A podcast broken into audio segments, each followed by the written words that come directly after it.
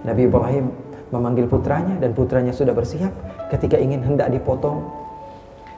Nabi Ismail mengatakan kepada Nabi Ibrahim, "Wahai ayahku, wahai ayahku, biarkan wajahku berpaling dari wajahmu karena aku takut ketika engkau melihat wajahku engkau akan sedih." Lalu engkau akan meninggalkan perintah Allah karena engkau kasihan kepadaku. Biarkan mat wajahku berbalik daripada wajahmu. Biarkan pandanganmu tidak memandang kepada wajahku kecuali kepada kepalaku. Dan supaya juga aku tidak takut melihat alat yang kau gunakan untuk menyembelihku, hai ayahku.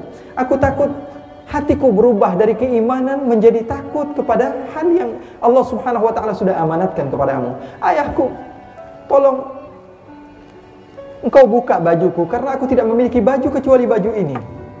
Kemudian nanti ketika engkau, engkau sudah memenggal kepalaku, tolong jadikan baju ini sebagai kafanku.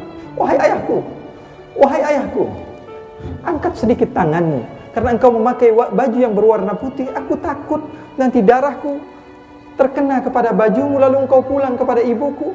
Ibuku akan menangis ketika melihat tetesan darahku dan akan mengotori bajumu, bajumu yang untuk digunakan untuk menyolatiku wahai ayahku. Ayahku, sampaikan salam terakhirku kepada ibundaku yang salihah karena dia telah mendidikku dengan didikan yang baik.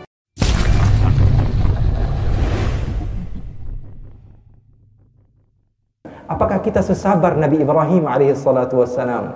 Nabi Ibrahim mendapatkan ujian dari Allah Subhanahu wa taala dan berani mengkorbankan anaknya Jangan kita lihat kita ini lagi susah untuk berbuat baik.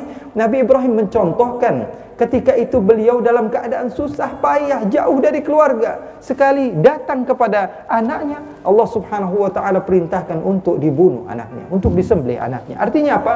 Berkorban pada saat itu Nabi Ibrahim mencontohkan kepada kita di masa-masa sulit maka pahalanya jauh lebih besar dan Allah Subhanahu wa taala lipat gandakan.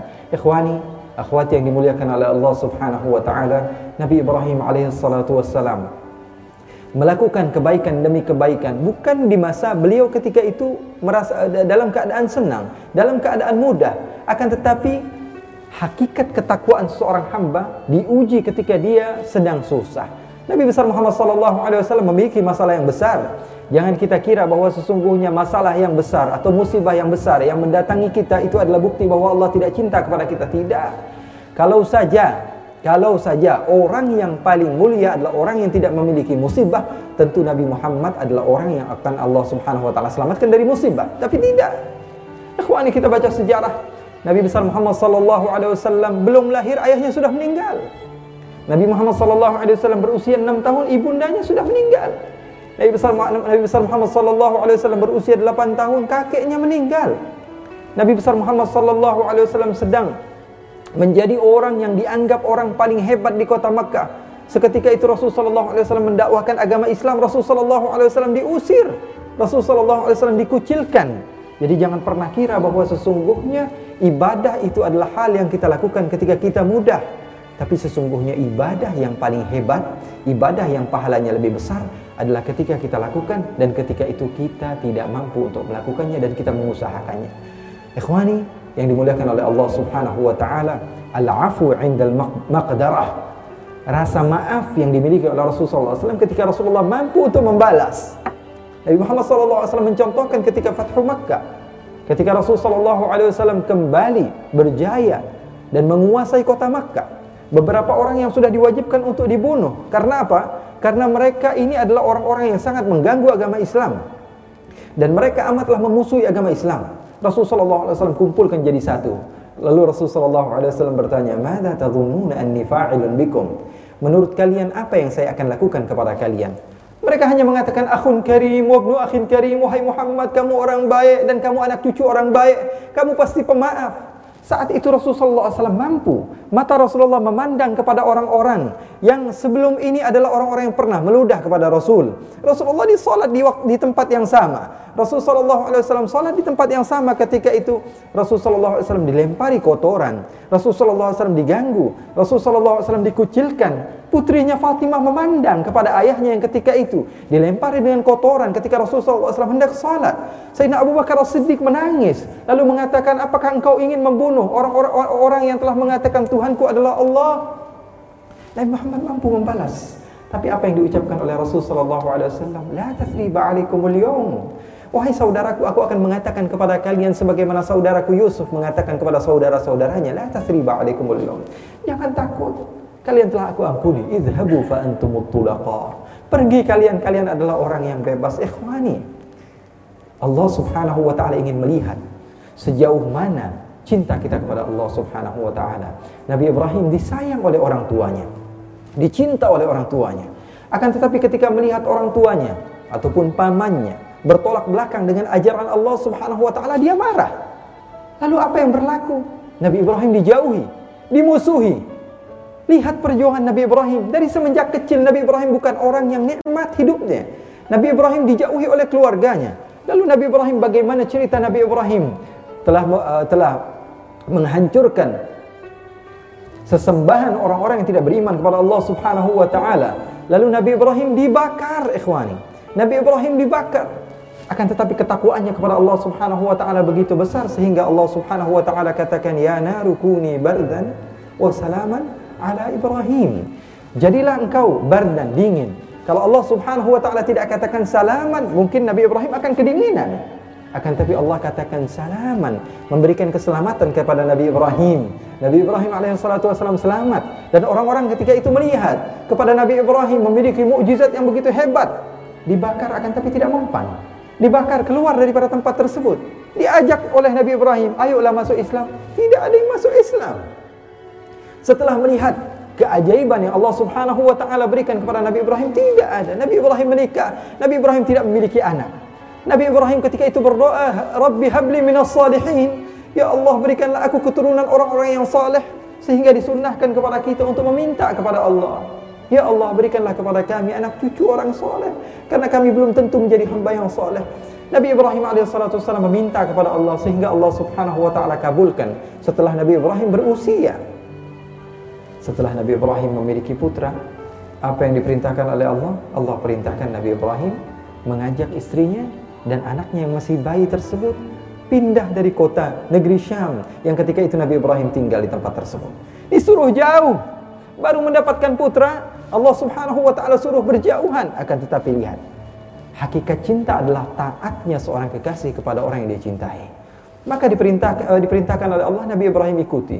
Lalu diletakkan di, uh, di Hijaz ketika itu di kota Makkah. Ketika itu Siti Hajar Kata Nabi Ibrahim alaihissalatu wassalam, wahai Hajar, sesungguhnya tidak ada yang beriman di tempat ini kecuali saya dan kamu. Akan tetapi keimanan yang mereka miliki adalah keimanan yang besar. Ikhwani, yang dimuliakan oleh Allah Subhanahu wa taala Nabi Ibrahim bersabar. Nabi Ibrahim cinta sekali kepada putranya Ismail sehingga banyak sekali Nabi Ibrahim uh, sering sekali melakukan ziarah untuk melihat kepada putranya. Ketika putranya sudah besar dan Nabi Ibrahim merasa bahwa sungguhnya beliau sudah memiliki wakil ke mana-mana Nabi Ismail diajak berada di posisi kanan Nabi Ibrahim alaihissalam sudah bangga memiliki keturunan. Nabi Ibrahim bermimpi Allah Subhanahu wa taala memerintahkan untuk dikurbankan putranya. Akhwani, sabar macam apa lagi ini Nabi Ibrahim? Allah Subhanahu wa taala ingin melihat kesabaran beliau yang begitu luar biasa. Dan kita insyaallah Allah Subhanahu wa taala berikan kesabaran. Allah Subhanahu wa taala berikan ketabahan. Walaupun musibah yang banyak Allah berikan mudah-mudahan ini adalah salah satu tanda bahwa Allah cinta kepada kita. Ikhwani yang dimuliakan oleh Allah Subhanahu wa taala Nabi Ibrahim kemudian mengatakan kepada Nabi Ismail wahai Ismail sesungguhnya saya diperintahkan oleh Allah untuk menyembelihmu. Apa yang dikatakan anak yang masih baru balik ini? Apa katanya? If'al ma tu'mar. Wahai ayahku, beliau tidak mengatakan saya enggak keberatan, tidak. Akan tapi beliau mengajarkan bahwa sesungguhnya segala sesuatu ini berhubungan dengan apa perintah Allah. If'al ma tu'mar. Lakukan apa yang diperintahkan oleh Tuhanmu ya wahai Ibrahim. Sesungguhnya engkau akan dapatkan aku insya Allah termasuk orang-orang yang sabar ikhwani. Begitu hebat didikan orang tua seperti ini yang ketika itu ridha dan rela yang terpenting Allah ridha kepadanya. Ikhwani yang dimuliakan oleh Allah subhanahu wa ta'ala maka datanglah waktu itu. Waktu ketika mereka mendapatkan musibah akan tapi ada perintah. Kedua-duanya bisa bersatu satu sama lain. Nabi Ibrahim memanggil putranya dan putranya sudah bersiap. Ketika ingin hendak dipotong Nabi Ismail mengatakan kepada Nabi Ibrahim wahai ayahku wahai ayahku biarkan wajahku berpaling dari wajahmu Karena aku takut ketika engkau melihat wajahku, engkau akan sedih. Lalu engkau akan meninggalkan perintah Allah karena engkau kasihan kepadaku. Biarkan mat wajahku berbalik daripada wajahmu. Biarkan pandanganmu tidak memandang kepada wajahku kecuali kepada kepalaku. Dan supaya juga aku tidak takut melihat alat yang kau gunakan untuk menyembelihku, hai ayahku.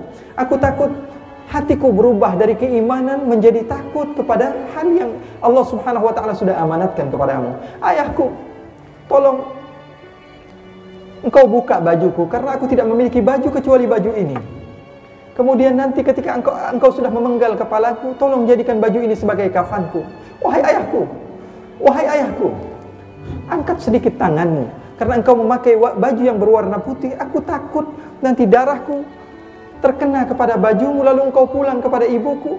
Ibuku akan menangis ketika melihat tetesan darahku dan akan mengotori bajumu, bajumu yang untuk digunakan untuk menyolatiku wahai ayahku. Ayahku, sampaikan salam terakhirku kepada ibundaku yang salihah. Karena dia telah mendidikku dengan didikan yang baik. Ayahnya mendidik dengan didikan yang baik, ikhwani. Sabar semacam apa lagi ini? Ini adalah hakikat takwa. Oleh karena itu kita berharap kepada Allah Subhanahu wa taala kita dijadikan oleh Allah Subhanahu wa taala termasuk orang yang bisa melakukan amanah Allah di saat kita mudah maupun di saat kita susah.